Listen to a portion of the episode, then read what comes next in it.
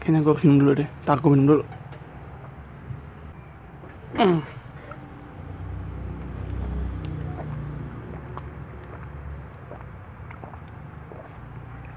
Ah.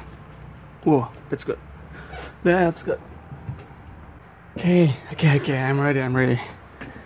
Whew.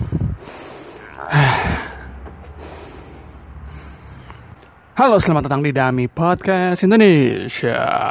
Podcast yang tidak berfaedah, yang uh, hanya didengarkan ketika kamu lagi gabut atau lagi di macet-macetan di mobil dan tidak ada kerjaan atau lagi galau ya. Podcast ini bisa membantu di keadaan-keadaan seperti itu. Jadi, podcast kali ini sebenarnya ini membayar membayar pod, uh, podcast sebelumnya. Udah podcast yang ke-11 absurd parah. Itu benar-benar gue lagi gebut-gebutnya. Tapi pengen banget buat podcast tapi ya hasilnya gitu. Gebut banget tidak sesuai standar yang biasa demi podcast terapkan. Emang ada ada standarnya kagak? Orang standar kita selalu di bawah quality. Lanjut. Ya jadi podcast ini sebenarnya eh gue sambil makan ya. Hmm. Jadi podcast ini sebenarnya um, menggantikan bukan menggantikan sih ya. Ini seharusnya hari Minggu itu jadwalnya apa? Sunday recap. Tapi karena hari Minggu itu capek banget. Hari Minggu gue capek banget. Capean parah. Terus si co-host gue, si Brian juga capek banget. Kita uh, dia habis dari mana gue bisa dari mana gitu kan. Sampai rumah tuh udah malam badan tuh capek banget kaki pegel banget. Itu jadi kami putuskan untuk udahlah kita nggak usah sebuat sandi recap dulu lah. Kita mending tidur kayak langsung. Lagi capeknya. Ya jadi ya anyway gue ada mau kayaknya ada momennya nanti di mana demi podcast sedikit serius ya membahas satu masalah gitu loh. Karena ada momennya di mana kita akan serius karena gue disiapin bahannya. Um, dan bahannya ini dari observasi gue sendiri. Asik. Observasi obs, obs, apa coba ngomong apa gue ya pokoknya ini bahannya dari observasi gue sendiri. Dan dari apa yang gue lihat dan gue jalankan yang pasti tidak uh, tidak menista dan tidak uh, merugikan banyak orang ya. Tapi ini membela sesuatu yang seharusnya sudah lama dibela gitu loh. Sebuah hak yang harusnya dibela. Asik. Norman sangat membela hak. Allah anyway Kayaknya gue kebanyakan ngomong anyway ya. Jadi, bedanya. Jadi, di podcast kali ini gue mau membahas beberapa hal yang jadi uh, viral dan beberapa hal yang seharusnya kalian lakukan ketika sedang liburan panjang. Ini kan mau liburan panjang nih ya. Bener, maksudnya bener-bener mau liburan pak, kok mau liburan panjang sih? Ini lagi liburan panjang, kalau nggak salah sampai sekitaran satu minggu penuh untuk libur.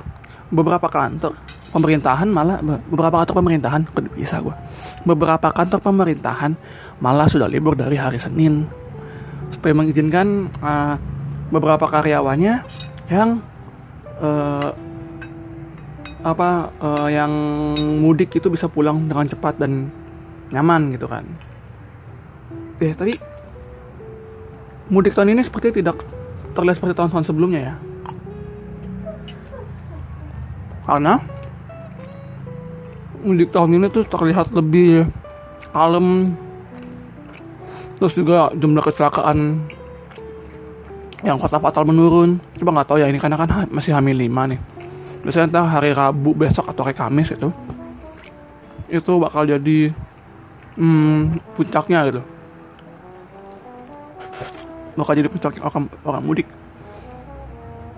Tapi sejauh ini sih yang gue mudik tuh lancar-lancar aja mana-mana aja jadi ini juga satu strategi yang baik sih kayak pemerintah itu udah siapin dulu infrastrukturnya udah siapin dulu jalannya didukung didukung dengan uh, apa namanya libur panjang yang disediakan oleh pemerintah juga. Jadi jadi ini kayak main akal-akalan eh main akal-akalan. Misalnya ini kayak jadi pinter-pinterannya pemerintah dengan uh, memanfaatkan situasi. Mau ngomong apa sih ngomongnya gimana ya Makanya ini akal-akalan deh. Kayak ini jalan dulu nih di, di kebut, jalan dulu di kebut sebelum Idul Fitri. Di kebut terus jalannya udah 90% atau 80% kampung. Nah, terus pemerintah mikir gimana caranya kita ngatasin pemudik yang bakal membludak ini dan pasti membludak. Gak mungkin enggak. Apalagi yang dari Jakarta mau keluar kota pasti membludak kan kalau di Jawa nggak mungkin enggak. Gimana caranya? Ya itu infrastruktur udah 80 80% jadi, langkah kedua adalah kasih libur panjang. Supaya supaya nanti ketika di jalan tol itu orang nggak numpuk kayak libur-liburan lebaran kemarin. Kayak liburan lebaran, kemarin kan parah banget tuh. Yang kemarin-kemarin tuh waduh sadis sadis bet, sadis bet tapi tahun ini gue rasa sudah mulai tertata rapi dan nah, sudah terlihat ya gue juga udah baca di beberapa portal berita.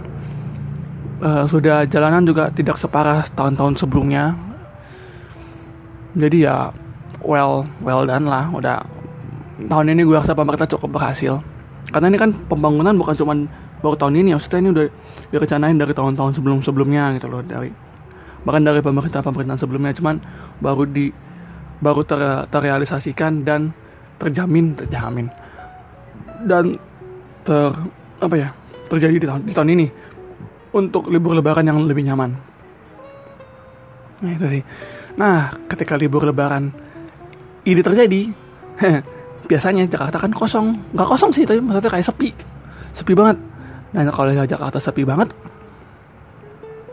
orang kan bakal bakal bakal milih untuk liburan ya ke mana-mana dan ini sih yang gue suka kalau Jakarta sepi itu men lu berasa lagi di bukan lagi di Jakarta lu berasa berasa lagi di luar negeri. Serius. Karena lu bisa merasakan jalan jalanan Jakarta yang kosong yang aman yang nyaman dan lu nggak perlu bawa bawa naik pitam gitu kan. Enak deh pokoknya enak banget jalanan Jakarta ini. Cuma nanti kalau habis libur lebaran ah.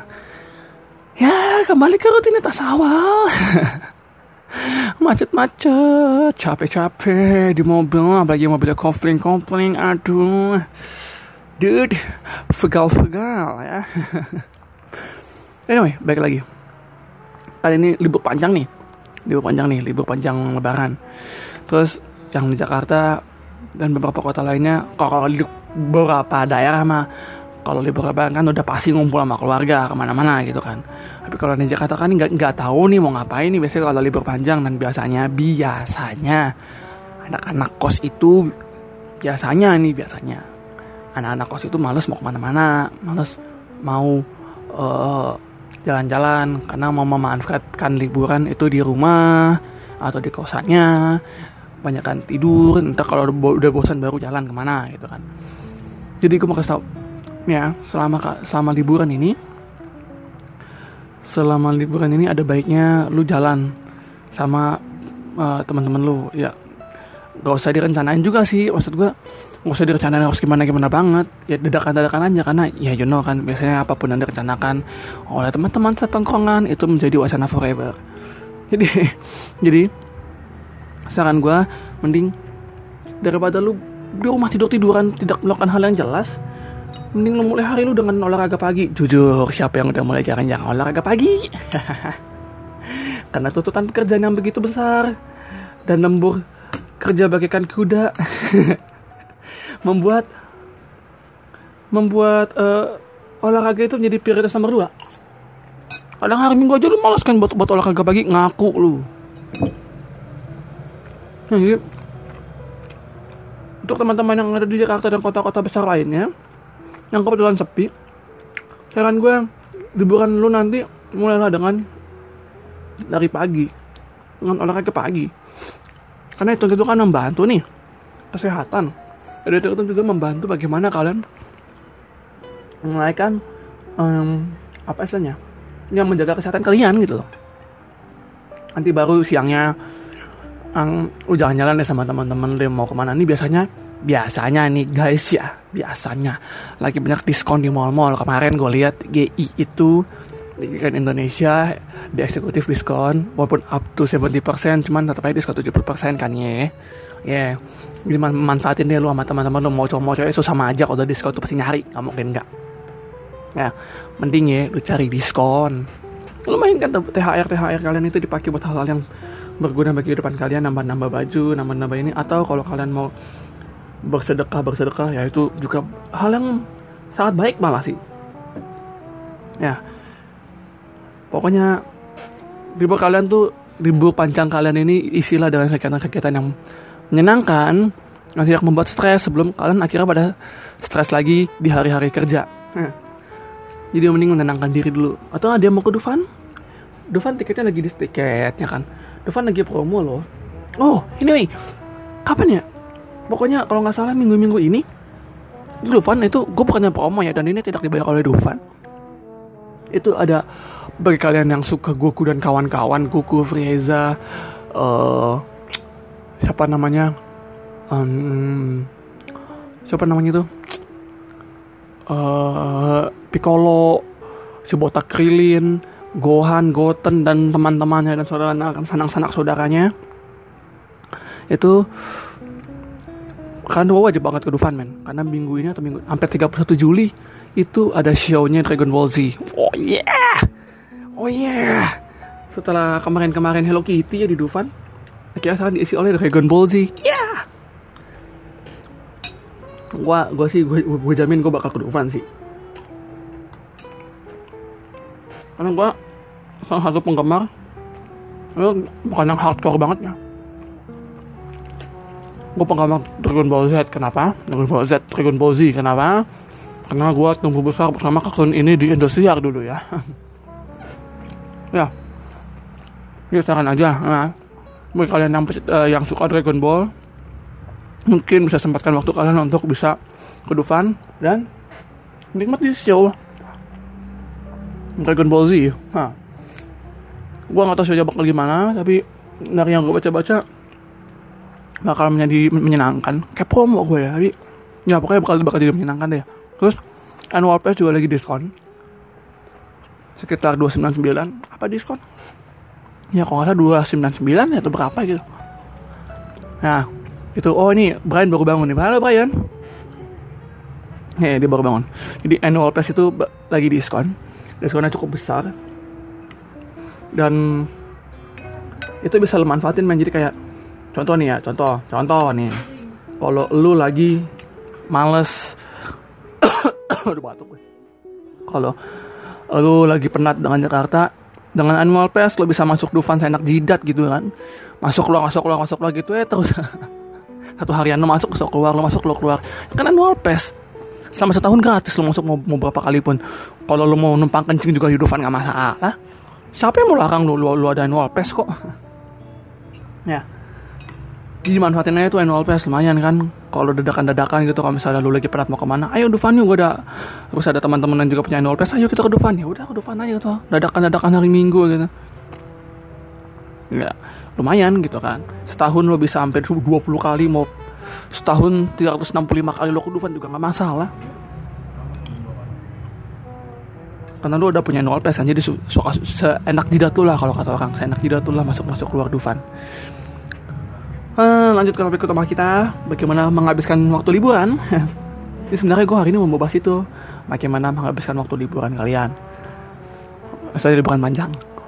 Jadi yang gue bilang, coba mulai dengan olahraga pagi, terus mulai dengan ajak teman-teman jalan.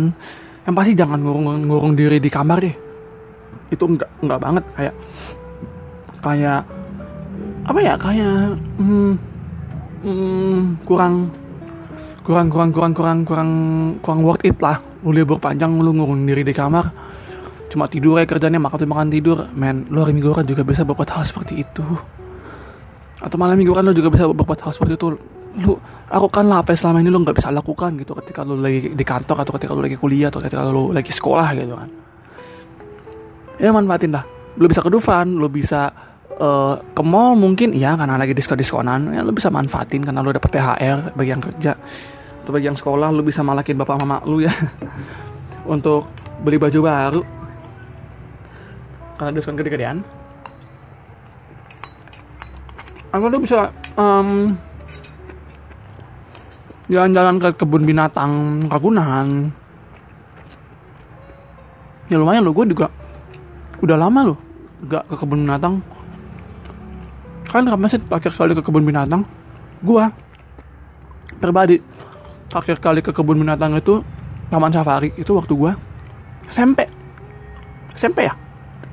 Ya SMP SMP SMP itu SMP atau SD gitu? SMP kalau salah sih. Seingat gue SMP itu terakhir banget gue liburan bukan liburan sih kayak field trip gitu ke taman safari. Selepas dari situ gue nggak pernah lagi ke taman safari ke kebun binatang Ragunan aja nih gue kasih tau makanan. Gue Ragunan aja belum pernah gue sentuh boy. Tapi gue pingin banget gitu ke Ragunan gitu. Gue penasaran di Ragunan tuh gimana sih. Karena kan kalau di taman safari kita yang dikurung ya manusianya yang dikurung.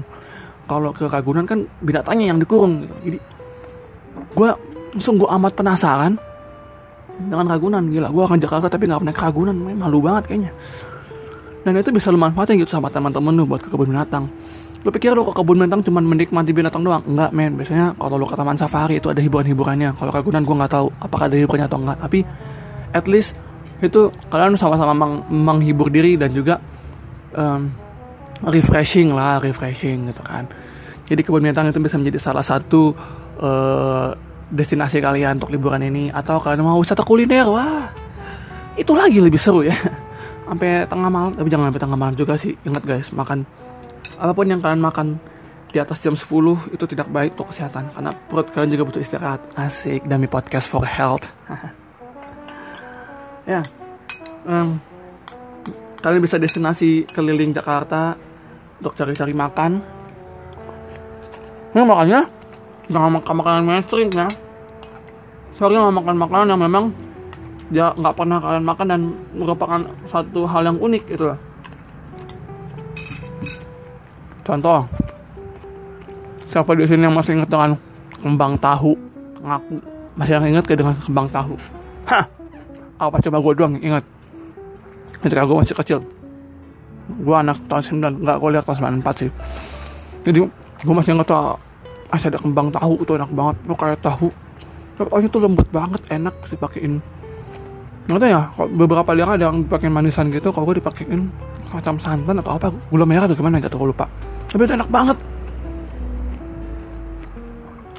Rasanya tuh beda. Pokoknya enak banget deh. Nah kalian tuh bisa berburu gitu makanan-makanan. Aduh tumpah makanan-makanan vintage vintage vintage. Makanan-makanan jadul. Karena kalau kalau ke kota tua itu ada. Ada kerak telur di sana. Ada. Ya, pokoknya makan makanan jadulnya ha kan itu bisa wisata kuliner gitu loh sambil apa ya kalau kalau kota tua nih itu kan spotnya enak tuh buat foto-foto walaupun uh, orang bilang ah bosan angkot kota tua tapi buat kalau buat foto-foto tuh nggak akan nggak akan ngebosanin sih. Gue sendiri gue sendiri tadi kota ke kota tua tuh dua tahun lalu. Ya dua tahun lalu tadi kota tua. Dua tahun lalu atau tahun lalu ya terakhir ya. Dan itu apa ya gue nggak tahu ya gue kayak penikmat sejarah gue senang dengan sejarah-sejarah mulai dari zaman medieval sampai mulai dari zaman Romawi sampai zaman sekarang. Apa pun pokoknya yang berhubungan dengan sejarah dari zaman Romawi sampai zaman penjajahan itu gue senang banget. Pokoknya semua semua yang berbau dengan uh, keindahan-keindahan kota jadul Eropa-Eropa jadul atau pembangunan-pembangunan Batavia di awal terus masih ada tempat-tempat ikoniknya gitu kan masih ada sisa-sisa bangunannya gue sangat tertarik gitu loh. Tak kenapa gue senang banget dengan yang jadul-jadul gitu dengan sejarah-sejarah gitu. Atau nggak nggak ngerti lah tapi gue sedang banget dengan hal-hal semacam itu. Dan kota tua menurut gue tuh destin destinasi wisata yang nggak ada matinya men. Kayak mau berapa kali pun ke situ lo nggak akan bosen. Walaupun panas menjadi musuh utama tapi lo gak akan bosen. Cuman ya gitu. Ya kalian bisa uh, jelajahi kuliner di sana atau kan mau ke mana mau ke ke ini ke um, apa mau belanja yang udah diskon udah murah terus diskon lagi. Ya kan bisa ke pasar baru boy. Pasar baru Jakarta. Itu wah itu itu lagi tuh lebih seru men itu men. Itu lo bisa belanja bisa belanja barang bagus tapi murah dan diskon boy. Itu jadi lo bisa menghabiskan nih sebenarnya tuh lo bisa menghabiskan liburan akhir pekan lo gitu loh. Bukan hanya dengan main futsal bareng teman-teman lo bukan hanya dengan main basket bareng teman-teman lo tapi lo bisa menjelajah kota gitu. Kapan lagi? Kapan lagi lo bisa menjelajah Jakarta gitu kalau lo tinggal di kota gitu kan di Jakarta? Atau kapan lagi lo bisa menjelajah kota lo gitu lo mumpung lagi kosong? Kapan lagi? Gitu. Ada waktu bang teman-teman bareng keluarga menjelajahi kota yang biasanya ini susah banget buat dijelajahi dan sekarang jadi sangat-sangat mudah untuk dijelajahi gitu. Kapan lagi? Gitu. Terus selama liburan lu kalau memang lu masih mau ke mana-mana lu bisa beres-beresin rumah. Cuman ogah banget kan lu mau beres-beresin rumah kan. Kayak ngapain lu dedikasikan waktu buat liburan untuk beres-beresin rumah? Kan hari minggu juga bisa. Lu bisa lu bisa ke ini bisa ke tadi apa? Gue udah saranin apa? Gue udah saranin tempat wisata. Tempat wisata. Gue udah saranin kebun binatang. Gue udah saranin taman hiburan. Gue udah saranin uh, destinasi destinasi wisata pilihan kayak kota wisata kota tua. Apalagi tuh. Wisata kuliner juga lu bisa lakuin. Atau lu sama teman oh untuk belanja belanja berburu diskon lu juga bisa bisa bisa buat. Atau lu sama teman-teman lu atau lu sendiri juga bisa ini ya. Kalau ma kalau malam lagi. Kalau liburan gini kalian uh, bisa melakukan banyak banyak hal, hal positif gitu kayak kalian donor darah. Ya tapi bener loh donor donor darah itu satu hal positif yang memang perlu kalian lakukan gitu. Kalau nggak salah PMI ya bulan minggu-minggu ini mau ada yang donor darah cuman tanggal tepatnya gue nggak tahu kapan kalian nanti bisa cari aja di Google infonya donor darah dari PMI minggu-minggu ini kalau tidak salah jadi kalau salah maafkan saya ya kalian bisa donor darah sama teman-teman kalian kapan lagi gitu kan kalian menyumbangkan darah untuk orang yang membutuhkan gitu loh. Karena setetes darah itu sangat berharga bagi mereka yang sedang membutuhkan. Ya iyalah. Kapan lagi kalian bisa berbuat kebaikan yang sangat mulia gitu loh. Kalau memang kalian tidak bisa meluangkan meluangkan waktu kalian bersama teman-teman kita yang berkekurangan maka donor darah menjadi salah satu alternatif. Bukan alternatif sih menjadi salah satu hal yang paling mudah untuk dijangkau untuk dijangkau gitu loh untuk membantu orang lain gitu. Ini nggak bisa donor darah pokoknya melakukan kegiatan-kegiatan positif lah selama liburan ini. Dan kalau saran gue sih nggak perlu lo atur deh nggak perlu lo rencanain kalau lo mau liburan ke mana. Karena kalau lo rencanain itu biasanya jadi wacana itu gue udah bahas kan di podcast sebelumnya. Pasti bakal jadi wacana. Waktu lu tiba-tiba bilang eh besok ini besok ini. Yuk wah itu orang masih oke ayo ayo ayo. Masa bodoh dengan mereka tidak bisa ajak aja beberapa teman lu yang bisa gitu loh. Ya paling nggak berlima berenam lah itu juga udah cukup kok. Buat lu liburan gitu. Jadi istilah kegiatan istilah kegiatan istilah liburan kalian dengan kegiatan-kegiatan yang positif yang kegiatan-kegiatan yang menyenangkan. Nah kayak gitu. Udah sekitar 20 menitan ya gue ngomong ngelur ngidul mengenai apa yang bisa kalian lakukan selama liburan. Apalagi ya yang misalkan lakukan selama liburan. Tadi gue udah ngomongin destinasi-destinasi wisata kuliner-kuliner dupan dan ke kebun binatang. Atau kalian oh iya gue ingat. Kalian bisa menyaksikan Indonesia Open tapi itu bukan pas liburan ya Indonesia Open ya. Tapi waktu itu lo kalian nonton Indonesia Open. Kalau selama ini uh, cuma bisa nonton bulu tangkis di layar kaca tapi mending prepare duit kalian untuk Indonesia Open gitu kan. Karena di Indonesia Open lo bisa merasakan tiketnya juga nggak mahal-mahal banget sih menurut gua. Karena biasanya memang nggak begitu mahal. Dan gue dan gue dan keluarga kayak gue berkeluarga aja maksudnya gue bokap nyokap dan adik-adik gue kalau ada kesempatan nonton Indonesia Open pasti nonton men. Dari Istora langsung pasti. Karena atmosfernya tuh beda. Beda sama lu lagi tanding-tanding basket SMA beda banget. Beda. Ini tuh at atmosfernya tuh kayak lu bener-bener oh, ingin membanggakan negara lu melalui support lu gitu melalui seorang seorang menjadi melalui menjadi seorang supporter. Apa sih gua? Tapi ya kayak gitu. At atmosfernya tuh beda. Atmosfernya tuh lebih greget lebih enak dan lu bakal terpukau dan ngelihat bahwa ternyata antusiasme bulu tangkis di Indonesia tuh gila tinggi banget boy. Tinggi banget. Mau dari orang kaya sampai orang yang sederhana dan biasa aja itu ngedukung banget kalau dari Istora tuh. Weh hebohnya mantap jiwa boy. Itu makanya kenapa atlet-atlet badminton di luar negeri kalau ke Indonesia selalu bilang Indonesia tuh menjadi tempat yang menyenangkan. Tapi menjadi tempat yang angker kalau mereka ngelawan tim dari Indonesia sendiri karena tekanannya tuh memang pressure-nya tuh luar biasa sadis jadi tempat yang angker gitu makanya dibilang. Itu kalian bisa tempatin diri kalian atau, atau mereka nonton badminton secara langsung ya kapan lagi kan? Nonton event-event olahraga secara langsung gitu kan. Uh, apalagi ya? Hmm atau kalian mungkin bisa setahu gue sih ada beberapa event tak di Jakarta. Karena Jacklot udah lewat kan Jacklot udah lewat. Terus Jakarta Sneakers juga udah lama banget lewat itu mah. Tapi ya macam event-event kayak Jacklot udah lewat dan mungkin ada beberapa event yang akan hadir lagi di minggu-minggu liburan ini. Kalian so cek atuh uh, di sosial media kalian di media sosial kalian sosial media di media sosial kalian atau cek di internet event-event apa lagi yang akan diadakan di Jakarta. Dan memang kalau terjangkau ya kalian bisa ini bisa sobatkan diri ke sana. Atau kalian menonton ini Celine Dion dengan tiketnya yang 5 juta itu ya. Jika kalian punya duit banyak kenapa tidak nonton Celine Dion? Dengan tiket 5 juta worth it loh itu. Kalian ini seorang Celine Dion yang kemarin ngisi suara yang kemarin ngisi suara yang kemarin ngisi soundtracknya Deadpool. Eh iya ngomong-ngomong Deadpool nih sobat main Deadpool. Deadpool tuh openingnya tuh koplak banget dah sumpah. Gue mau review Deadpool kali ya review Deadpool nggak ya? Di blog. Hmm apakah blog akan menjadi blog review? Tidak peduli. Ya pokoknya uh, Celine Dion kalian bisa tonton. Kalau kalian punya uang berlebih ya silakan tonton Celine Dion. Tapi kalau nggak punya nanti beli aja uh, Blu-ray-nya aja ya. Kalau memang ngeluarin Blu-ray-nya sih.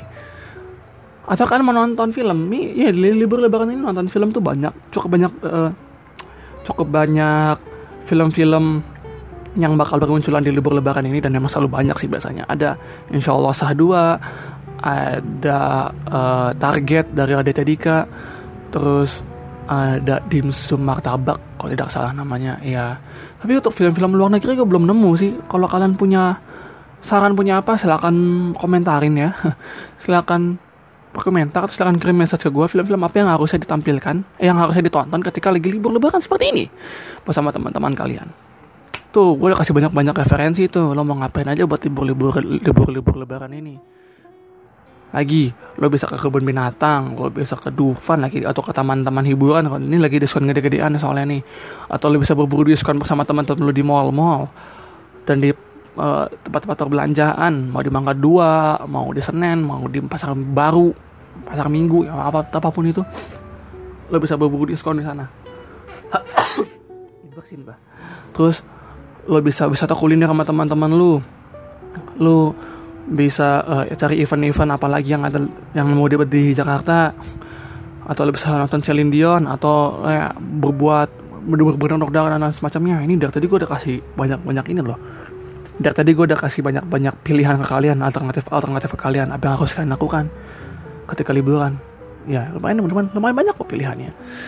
Apalagi ya? Hmm, kalian mungkin bisa melakukan atau sama teman-teman lo cuma sekedar ngumpul-ngumpul yang udah lama-lama nggak ngumpul ya bisa aja. Tapi abis itu mau ke mana ya terserah kalian lah.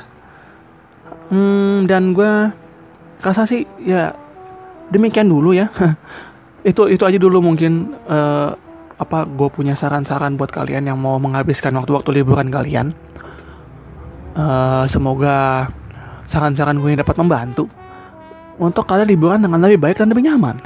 Ini mumpung yang yang di Jakarta ya khusus yang mau di Jakarta juga mumpung Jakarta lagi kosong pelompong kapan lagi boy? Liburan happy happy dan tidak ada ganjil genap kan? Kapan lagi gitu loh. Mending buru-buru lu manfaatin deh daripada lu di kamar nggak jelas gabut ngepoin mantan ngapain gitu kan? Ngapain? Mending sok atau langsung liburan sama pacar sama teman-teman. Ya, pokoknya liburan liburan. Pergi sana liburan kalian refreshing banyak-banyak sebelum kalian harus masuk kantor atau masuk kuliah atau masuk sekolah lagi dengan kepala yang sungguh penat luar biasa. Next setelah ngomongin liburan gue ngomong satu hal yang sangat unik ini mengenai Kim Jong Un dan Bapak Donald Trump. Setelah kemarin Donald Trump di G7 yang fotonya jadi banyak meme ya kalian penasaran dengan fotonya silahkan cek Nengek. Maka sekarang Donald Trump ketemu dengan Kim Jong Un ya. Seperti kalian lihat ini seperti uh, apa ya seperti dua gebetan yang malu-malu tapi mau. Dulu nyindir-nyindir sekarang salam ketemuan. Senyum-senyum sapa senyum-senyum manis. Di depan uh, ini di depan kamera senyum-senyum manis salam salaman. Sayangnya mereka tidak, mereka tidak berpelukan ya. Tapi saling-saling sapa saling-saling senyum saling-saling ngobrol ngobrol istimewa-istimewa. Ya ini kayak ini aja kayak lu dan uh, mantan lu gitu kan. Di dunia maya jauh-jauhan saling sindiran begitu ketemu sapa-sapaan senyum-senyuman cipika-cipiki saya bukan cipok-cipokan. Ya.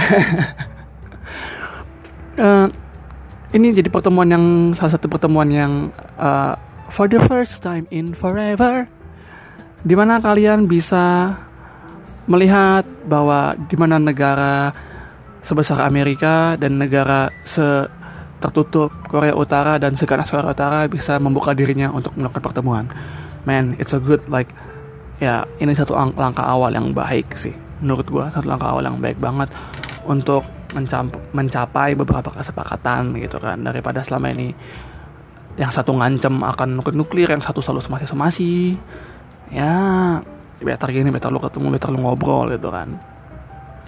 Ini juga menghebohkan sangat menghebohkan dunia karena kapan lagi gitu Korea Utara membuka diri gitu kan? Selama ini negara tertutup dan banyak banyak isu miring. Dan sekarang jadi terbuka. Walaupun negara bukan terbuka tapi pemimpin pemimpinnya sekarang bisa terbuka. Gitu. Ya gue nggak update sih lebih lanjut gimana tapi well ini jadi satu langkah awal yang baik bagi uh, Korea Utara sih. Karena kembali setelah berdamai dengan Korea Selatan sekarang mereka dengan bertemu dengan Amerika Serikat. It's so good like really really damn good. Dan yang terakhir gue ini sebenarnya salah, satu hashtag hashtag yang hmm, apa ya bingung sih gue ini hashtag yang sangat terkenal di Twitter yaitu selamat datang di Twitter di mana para anak-anak Twitter menyambut anak-anak Instagram masuk ke dalam Twitter. Dan yang paling gue kesel adalah sebagai pengguna Twitter. Sebagai pengguna pengguna Twitter itu ikut menyambut mereka-mereka yang pindah dari Instagram atau yang lama nggak yang udah lama nggak main Twitter balik lagi main Twitter. Ya mungkin yang udah lama nggak main Twitter terus balik lagi main Twitter itu disambut tuh rasanya senang kan kayak wah gila gue bebas dari kemunafikun.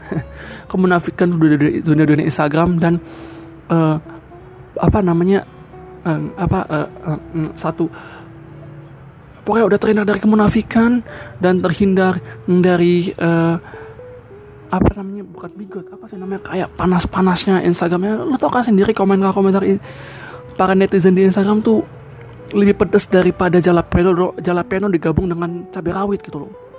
Hmm, ngeri banget. Gak tahu konteksnya apa, gak tahu asal usulnya gimana. Yang penting komentar pedes. Ala jap, ala jalapeno dipakein cabai rawit terus bahkan pakai tahu makan atau tahu tuh tahu jalapeno cabai rawit hmm, pedes banget kan. Jadi hashtag selamat datang di Twitter tuh seharusnya menyambut mereka-mereka yang hijrah dari Instagram pengguna-pengguna baru di Twitter. Tapi entah kenapa sifat-sifat mereka di Instagram itu tidak bisa dihilangkan. Dan malah meledek gitu dan malah mengecam. Kan gua KZL ya gua kesel ya. Nah ya dan gua kesel gitu kayak men lu udah baik-baik disambut di Twitter. Gua make apa cuma anak Twitter disambut dengan dengan pelukan hangat dengan senyuman dengan sapaan dan dengan kelucuan. Tapi lu malah hina-hina dan lu malah buat buat panas. Lu malah memanas-manasin. Eh gue kasih cabai cabai jalapeno lu lama-lama kesel bet gue ya kan? Ini tuh ibarat kayak lu ketemu mantan lu yang udah lama nggak ketemu lu sambut dengan senyuman lu sambut dengan sapaan dan pelukan hangat tapi lu malah ditampar. Kan Astaga, naga. Itu saya pengen tampar balik. Karena ingin lo tampar pipinya menggunakan cabai rawit gitu loh. Cabai rawit koyo gitu. Biar panas itu pipi ya. atau pingin banget gitu. Pingin kasih gue buat ramuan ya. Cabai cabai jalapeno gue pakein cabai rawit terus gue pakein bawang merah gue aduk gue jadiin spray gitu kan terus gue gue gue spray gitu ke ke ke mantan gitu kan wow pedes bet kan iya kayak men lo disambut dengan hangat lo sambut dengan baik-baik tapi itu itukah balasannya dengan sebuah lontaran kata-kata kebencian dan kata-kata yang pedas? Wah men. Sekarang gue jadi mengerti emang ternyata kebanyakan netizen ini uh, kurang piknik dan kurang bersantai sepertinya. Kurang memaknai apa itu arti kehidupan kayak apakah etika lo sudah tidak ada lagi? Ya? Hah? Apakah gak ada lagi moral dalam kehidupan lo itu? Hah hah? Hello lu disambut dengan baik-baik dan disambut dengan bercanda. Maksudnya disambut dengan candaan yang yang hangat gitu. Hello? Hello para netizen dari Instagram yang suka demen-demen komen-komen panas dan komen-komen menyebalkan. Lu nggak belajar etika di sekolah? Lu nggak belajar moral di sekolah? Atau di rumah? Nggak. Gue yakin lu di rumah diajarin etika, etika dan moral. Terus lu ke mana itu pelajaran dari rumah kampret? Hah? Lu, lu kemanain boy? Lu kemanain? Gila. Aduh nggak habis pikir gue sumpah nggak habis pikir men ayolah lu perlu gini, gini buat buat apa buat apa sih lo komentar-komentar pedas buat apa lo komentar-komentar sosok mengiak sosok sosok kritis tapi uh, bukan kritis gitu sosok kritik tapi bukan kritik tapi itu komentar negatif gitu loh. Ini sekali lagi itu kan kritik tapi itu komentar negatif gitu loh yang tidak membangun dan malah menjatuhkan. Buat apa? Siapa tahu lu disambut disambut dengan hangat disambut dengan baik. Tapi itu balasan lu seperti itu kayak buat apa? Lu pingin terkenal ha? lu pingin banget terkenal. Lu bukan jadi terkenal lu, lu malah jadi dibenci boy. Kalau lu kerja terus bos lu tahu lu kerjaan lu begitu gitu kan. Di kantor kerjaan lu gitu kerjaan lu cuma komentar-komentar menjijikan. Apa kata bos lu kalau lu udah kerja itu kan menjatuhkan nama perusahaan lu gitu kan. Menjatuhkan nama perusahaan lu dan lu bisa, bisa kena SP boy. Bisa bisa kena teguran. Lu mau kena teguran ha? Enggak kan? Jadi on. Grow up lah grow up. Lu ujian kebencian yang lu lakukan buat apa sih sebenarnya buat buat apa? Lu menjadi terkenal dengan ujian ujian kebencian itu ha? Iya. Tapi giliran ketemu lu kicep diem dieman ha? Apa ha? Kayaknya kekesalan gue terhadap netizen netizen macam tukang-tukang komentar ini tidak akan pernah berakhir ya. Dan semua kan juga gue yakin bukan gue yakin sih dan gue lihat juga udah banyak orang yang mulai resah dengan eh, eh tunggu tunggu gue naik petis. Eh eh eh eh kanan gue astaga astaga. Kok bisa naik petis gue ya? Aduh gila gila gila. Ah ah. Aduh, aduh, aduh sakit. Aduh. Aduh oke lanjut ya. Ya itu gue mana tuh gue lupa. Ya pokoknya gue yakin juga sih kayak lu di sekolah pasti diajarin etika dan diajakin diajakin dan diajarin bermoral sama guru lu nggak mungkin enggak kan? Dan tunjukkanlah kalau memang lo orang yang berpendidikan gitu loh. Nggak usah S1 S2 lo nggak perlu men. Lu dengan lulus SD aja waktu lo berpendidikan kan? Nah tunjukin kalau lo memang lo orang yang, orang yang berpendidikan gitu loh. Lo tunjukkan bahwa lo orang yang dididik di rumah itu dididik dengan baik. Gitu Gak usah komentar-komentar negatif buat apa? Ntar juga kalau lu diajak ketemu lu diem kan? Lu melipir kan? Lu hapus semua komentar-komentar lu kan? Hah? Ntar giliran ditunjukin di jejak digital lu, lu malu sendiri kan? Lu tutup account kan? Iya kan? Ayolah men. Like Ilangin lah Ilangin lah kebebasan kalian untuk Demen banget. Kasih-kasih komentar-komentar miring. Kasih-kasih komentar pedas yang tidak berfaedah Tapi giliran komentarin pedas Diam kicap seribu bahasa. Udahlah cukuplah dengan hal-hal seperti itu. Gua gue sendiri gue juga lagi memerangi hal-hal yang seperti itu lagi. Ayo guys kita bangunlah komunitas media sosialnya dengan baik gitu loh. Kalau memang lo mau membuat kritikan pedas kritikan ya pedas berarti membangun gitu kan kritikan pedas yang membangun ya lontarkanlah dengan dengan seharusnya gitu bukan hanya dengan komentar-komentar pedas tapi tidak ada isinya gitu kan. Ya kayak kita bangun komunitas media sosial kita dengan lebih baik walaupun gue tahu nggak akan nggak akan jauh lebih baik tapi seenggaknya kita berusaha untuk membuat komunitas ini komunitas media sosial ini menjadi lebih baik daripada kedep untuk ke depannya. Ya gitu. Ya sudah 30 menit lebih akan masuk ke menit ke 40 mungkin ya. Kami podcast Indonesia uh, menemani kalian dan mungkin sampai di sini aja dulu ya dami podcast edisi ke 12 berbicara mengenai menghabiskan liburan sampai dengan selamat datang di Twitter. Semoga podcast kali ini bisa menghibur kalian dan tidak menista. Dan oh eh satu lagi satu lagi satu lagi. Sebelum tutup guys.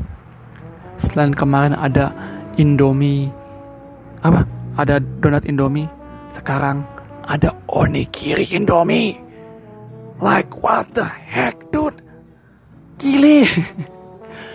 Indomie itu terus-terus dieksploitasi dan ini seni dan ini sebuah penistaan terhadap Indomie yang enak jika hanya digoreng di dibuat seperti biasa dan dikasih telur setengah mateng boy. Boy ini sebuah penistaan boy ini sebuah eksploitasi dan sebuah penistaan terhadap Indomie. Ini baru dengan penistaan. Kasihan banget coy. Kasihan banget Indomie tuh aduh gua nggak tahu rasanya onigiri Indomie gimana tapi like stop it lah. Cukup lah cukup cukup cukup. Enough enough is enough. Cukup berhenti di donat Indomie aja. Enough is enough boy. Jangan lagi dah onigiri Indomie. Nggak nggak. Udah cukup. Lo ingat kan bagaimana es kepal Milo? Eh sekarang es kepal Milo apa kabar ya? Tapi es kepal Milo sendiri kan lihat sekarang emang es kepal Milo ada lagi tajinya? Nggak ada. Udah nggak lagi tajinya es kapal Milo. Kan gue udah bilang kemarin-kemarin tuh cappuccino cinta tuh udah kasih tahu es kapal Milo kamu hanya abang tahan dalam hitungan dua minggu sampai sebulan. Dan kata benar kan? Cuman bertahan gak lebih dari dua bulan gitu loh. Cuma bertahan sebulan kurang malah es kapal Milo.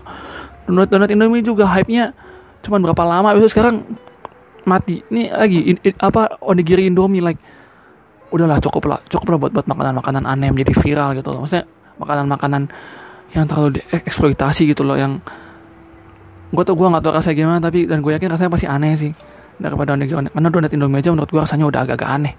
Ya kayak udahlah stop it lah. Enough is enough lah. Cukup. Cukup sudah jangan lagi eksploitasi Indomie kesayangan gue jangan lagi menista Indomie kesayangan gue enough is enough. Kampret buat gue ya. Ya. Kayak eh, mungkin gue akan bahas ini di sesi berikutnya ya. Di demi podcast edisi ke-13 kenapa banyak begitu banyak makanan yang viral menjadi eksploitasi dan gue akan bahas mengenai cappuccino cincau dan es kepal Milo yang kabarnya ini. Anyway sebelum tutup takir banget takir banget. Gue ada saran buat kalian yang mau buat es kepal Milo sendiri di rumah.